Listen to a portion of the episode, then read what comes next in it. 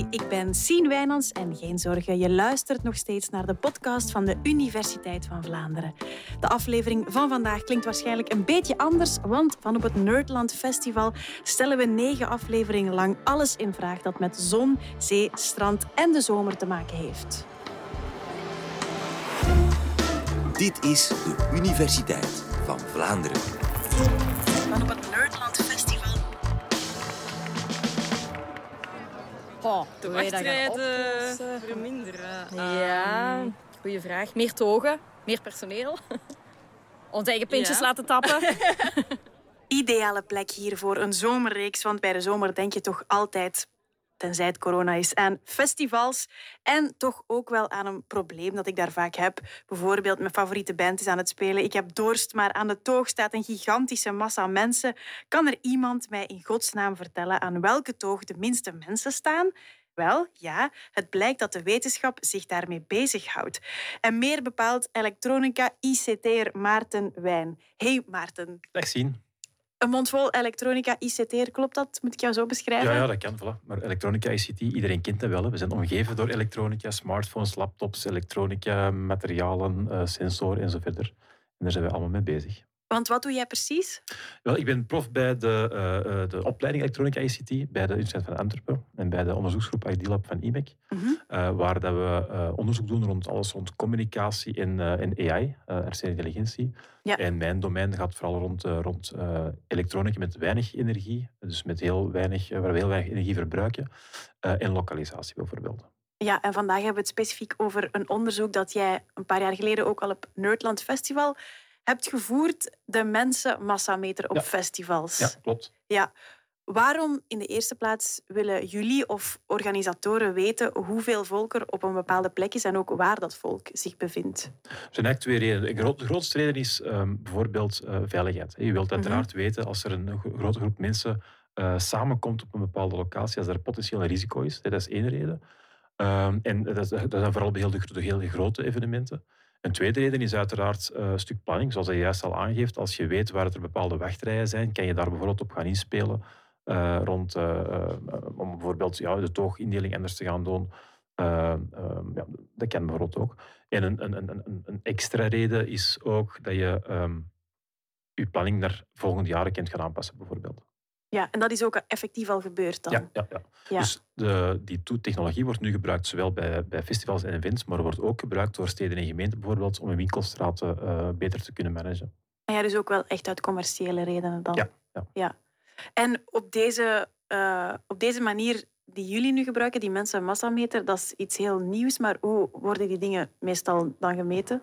Ja, een heel gekende technologie is uiteraard gewoon de camera. Je kan Mhm. een camera gebruiken en op die camera kan je twee dingen doen. Kan je bijvoorbeeld een overzichtsbeeld hebben, maar je kan ook met technologie, met, met software gaan kijken hoeveel mensen zijn daar nu ongeveer. Het heeft een aantal voordelen, namelijk je hebt dat beeld ineens, maar een nadeel is ook dat je eh, bijvoorbeeld een camera gaat meestal ehm, schuin op de mensen filmen en ook niet rechterbovenop. Dan heb je eigenlijk al een beetje een verkeerd beeld over hoeveel mensen er staan.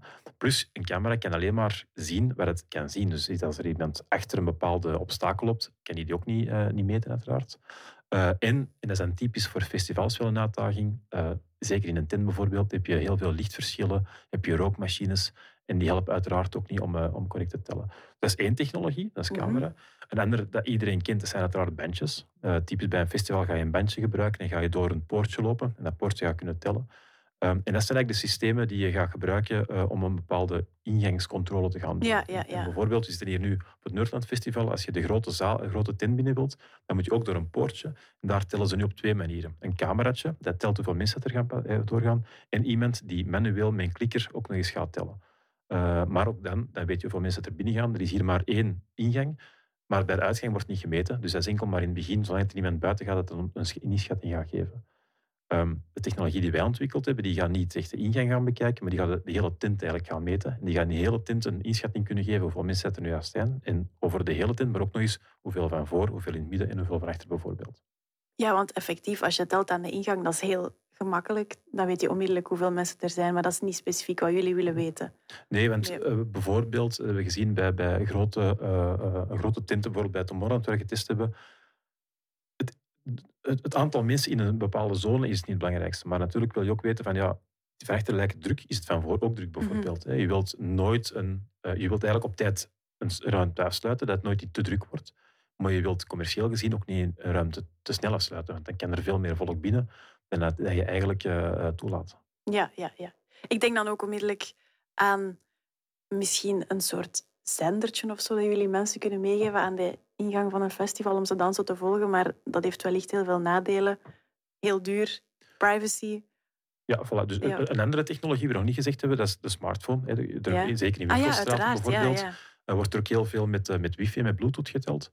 Eh, nu, eh, de, de, de, de, de software, eh, de, de, de, de, de smartphone providers, zoals eh, Apple of, of Android bijvoorbeeld, zijn wel heel veel bezig met privacy en gaan veel meer bijvoorbeeld het, MAC-adres heet het dan, dus de nummer eigenlijk van, het, van een smartphone, gaan die gaan veranderen bijvoorbeeld. Om te zorgen dat je niet meer kan zeggen dat, dat die smartphone, dat die nummer, eh, waardoor het soms lijkt, we hebben zo één telling gedaan, waar er 10 miljoen eh, mensen waren op een paar vierkante meter, omdat eigenlijk gewoon die nummer van die smartphone continu verandert, bijvoorbeeld voor privacy. Voor privacy, ja, ja, ja. ja. Eh, dus dan wordt het ook moeilijker. Ja. Nu, je kunt dat gaan gebruiken om een druktemeting te gaan doen, maar je kan dat niet gaan gebruiken om echt het aantal mensen te gaan tellen. Een andere mogelijkheid is inderdaad een bandje. We hebben ooit eh, bij Tomorrowland ook meegewerkt aan een, een, een, slim bandje. Dat was echt een bandje met elektronica in dat ook data ging doorsturen. Dat hebben we ook gebruikt bijvoorbeeld eh, samen met dat bedrijf om bijvoorbeeld de lampjes te laten branden. Dat is dan ook heel leuk. En om te betalen ook. Eh, om te betalen Ja, ook. Maar ja. betalen, dat, is, dat, is, dat is een iets goedkopere technologie. Dat doen ze nog altijd. Hè. Ja, Zelfs als het in de kaart zit waar we hiermee betalen. Maar dat was echt met elektronica die je ook kon gaan, gaan communiceren en gaan trekken. Ehm, en daar, dat was eigenlijk gewoon te duur. Dus dat was Ja. een heel toffe gimmick. Maar dat is eigenlijk iets, als je dat voor honderdduizenden mensen moet gaan doen, is dat iets dat maar één of twee keer eh, ge- ge- gebruikt. Dus dan ben je een beetje beperkt in wat je, wat je kunt gaan doen. En daarom dat wij aan het denken waren van kunnen we niks meten zonder dat die persoon iets moet hebben. En, Mhm. en eigenlijk is dat onderzoek een beetje toevallig eh, eh, ontstaan. Dus ik, wij deden onderzoek rond lokalisatie. en We deden onderzoek rond, rond laag energetisch, hè, low power lokalisatie. En ik had een, eh, een bachelorstudent gevraagd van kunnen we niet eens gaan kijken om iets te gaan onderzoeken eh, ja, zonder dat die persoon iets bij heeft. En dat leek dan eigenlijk wel, er leek wel iets dat al bestond. We zijn dat gaan nabouwen. En dan konden we eigenlijk eh, met een aantal aanpassingen konden we, eh, iemand op een half meter nauwkeurig lokaliseren in een kleine ruimte. En we zijn bijvoorbeeld, de, de, de, zijn we gaan aanpassen? De frequentie. Dus de frequentie is, is de golflengte waarop dat je draadloze communicatie gaat sturen. En eh degene die wij nu gebruiken, eh, ik kan niet te in details gaan, maar dat is 868 megahertz. Dat is, de golflengte is 35 centimeter. En de breedte van je schouders van de mens is ongeveer die breedte. En zo hebben we geprobeerd om een golflengte te maken die en gebruiken die overeenkomt met de grootte van een persoon, waardoor dat we eigenlijk de interactie tussen die golf en die persoon dat veel beter werkt. Wacht, je was me even kwijt toen je over de frequenties begon. Dus de mensenmassameter, dus jullie uitvinding, werkt met bakjes. Hoe, Ja. hoe moet ik het mij voorstellen? Die je op plekken hangt en die naar elkaar frequenties Ja, voilà. uitsturen. Ja, Als we, als we zoiets gaan testen, wat gaan we doen? We, we, we- installeren inderdaad zendertjes. Dat zijn inderdaad vierkante bakjes. Ehm ehm, wat zit daarin? Er zit gewoon een, een klein stukje elektronica in, een batterijtje. En dat stuurt op een bepaalde frequentie, op een bepaalde draadloze eh, signaaltje uit naar de andere bakjes. oké. Dus al die bakjes die ontvangen signaaltjes van elkaar. Dus je moet dat zien als een groot netwerk van signalen, van, van dingen die naar elkaar sturen. En als daar niemand is, dan gaat die signaalsterkte, dus Ja. de sterkte dat je signaal ontvangt van anderen, gaat ongeveer hetzelfde blijven. Je kan Oké. niet veranderen. Nu, als wij daartussen gaan lopen, dan gaan wij dat signaal verstoren. Want eigenlijk zijn wij een grote zak water. Sorry daarvoor. We zijn een grote zak water. Dat is oké. Voilà. Beter water dan vet. Ja, voilà. Eh, en, en wij storen dat signaal. En het is net die verstoring, die Ja. verzwakking van dat signaal, dat wij gaan gebruiken om dan te gaan berekenen eh, waar het iemand zit. Eh, en als, als, er, als je recht tussen twee signaal, eh, sensoren zit, dan gaat dat zwakker zijn. En dan gaan wij kijken, oké, dat is zwakker, dat is zwakker, dat is zwakker. Dat wil dat zeggen dat er daar, daar en daar mensen zijn. Dus dat signaal wordt dan steeds zwakker naarmate hoe meer mensen er Ja, eigenlijk voilà. het signaal verstoren. Ja, klopt. Maar eigenlijk eerst hebben we dat echt puur ontwikkeld om, om individueel mensen te gaan meten. Mhm. We waren toen in een ander project eh, met de Morland aan het samenwerken. En toen heb ik gevraagd van ja, mogen wij eens testen? We hebben dat op grote schaal, op, tien, op duizenden mensen, eh, dat er ook werkt. En dat bleek dan heel goed te werken. Eh, en dan zijn we dat, doordat we een paar jaar samenwerken, zijn we elk jaar dat opnieuw gaan aanpassen bijvoorbeeld. En zo merkten we bijvoorbeeld in de, in de, de comfort, eh, dat is zo de, de VIP van, van, van Tomorrowland bijvoorbeeld, daar heb je bijvoorbeeld een stukje binnen, een stukje buiten. Dan konden we heel goed meten hoeveel mensen dat er waren, want daar hebben ze ook een systeem met bandjes. Dus we hadden een heel goede ground truth, neemt het dan. eh, Een heel goede meting die ook de de echte data gaf. Mhm. Dat heb je bij een experiment wel nodig. Hè. Je moet ergens gaan kijken hoe correct is je systeem. En dan zagen we bijvoorbeeld, als het ineens begint te regenen, dan zie je mensen van een balkon ineens naar, naar binnen gaan. En dan zie je dat je daar wel veel beter kunt gaan inschatten hoeveel mensen er nu als in de ruimte zijn bijvoorbeeld. En dat je dat ook kunt gaan gebruiken als je weet van het gaat beginnen regenen, pas op. We zitten nu met een drukte die oké is. Ja. Maar als die voorste 6, 7 meter ineens al die mensen achteruit gaan, heb je potentieel een risico. Eh, en daar kun je dan op gaan inspelen bijvoorbeeld. ja, ja, ja. En op welke schaal wordt jullie systeem nu al gebruikt? Of is dat nog een prototype? Ja, we, hebben dat, we hebben dat eerst dus een, een jaar of twee, drie... ehm, als je heel aan het begin gaat, is dat, is dat vijf, zes jaar heeft dat geduurd voordat we echt naar een prototype hebben dat we eigenlijk vrij eenvoudig konden gaan installeren in, eh, in omgevingen. We hebben dat op de Morland getest, we hebben dat eh, in de Warmste Week getest, we hebben dat bij het Vuurwerk in Antwerpen getest eh, en ook nog op een aantal evenementen. En dan kwam de vraag van die eh, organisatoren, van, ja, kunnen we nu ook commercieel gaan gebruiken? Mhm. En dan zijn we gaan kijken, oké, hoe kunnen we van dat academisch idee ook een businessmodel maken? Dat, hebben we- hebben een spin-off opgestart. Dat was de maand voordat COVID begon. Dus dan hadden we een bedrijfje dat eh, ging meten wat de drukte was op evenementen. En dan weten we allemaal wat er gebeurd is. Eh, en dan zijn we eigenlijk gaan kijken van oké, goed, dat is niet op evenementen, maar ja, waar moeten toen nog mensen gemeten worden? Inderdaad in steden. En dan, dan hebben we de Ja, hele ja. anderhalve meter regel gehad. En dan is, zijn wij heel hard gaan kijken oké, hoe kunnen we niet gaan aanpassen om ook die druktemeting in steden te gaan doen. En dan is dat eigenlijk vrij snel gebruikt in Gent, in Brugge, in Antwerpen. Eh, en nu zijn ze met een installatie in, eh, in Hongkong bijvoorbeeld bezig om daar de metro, om de metro daar uit te rusten. En dat vind ik eigenlijk wel tof, dat er zo in een land waar privacy altijd wel heel... eh hey, waar al discussie issue, over is, ja, waar, ja, ja. dat een Belgische start-up daar een niet privacy-intrusief systeem gaat bouwen. Want wij kunnen niet zien of dat mannen zijn, vrouwen, eh, jonge mensen, oude mensen. Dat kunnen wij niet zien. Wij zien gewoon zakken water. Ja, Eh, ja, en dat ja, vind ik wel ja. heel tof. Ja. Ja. En zijn er dan al ja, veranderingen op festivals of evenementen of in steden die, die echt verwezenlijkt zijn dankzij jullie massameter? Ja, wat, wat je nu bijvoorbeeld ziet, is dat bij een, eh, een, was een kermis in, even de, gemeente kwijt, in Turnhout, sorry, gemeente, dat is een stad, hè. Sorry, Turnhout. Eh, dat ze daar bijvoorbeeld ook de, de installatie gedaan hebben. En dan gaat er eigenlijk op die moment, gaat, helemaal in het begin, gaat de politiecommissaris gaan mee. En die zegt eigenlijk van deze drukte is oké. En dan gaan we eigenlijk op die meting een, soort eh, drempelwaarde zeggen. En zolang dat die daaronder is, dan wordt er geen alarm gegeven. Mhm. Maar vanaf dat die eh, drempelwaarde overschreden wordt bijvoorbeeld, dan krijgt, krijgt de ordendienst direct een alarm. En dat geeft voor de politie ook wel een, een serieuze eh, gerustheid.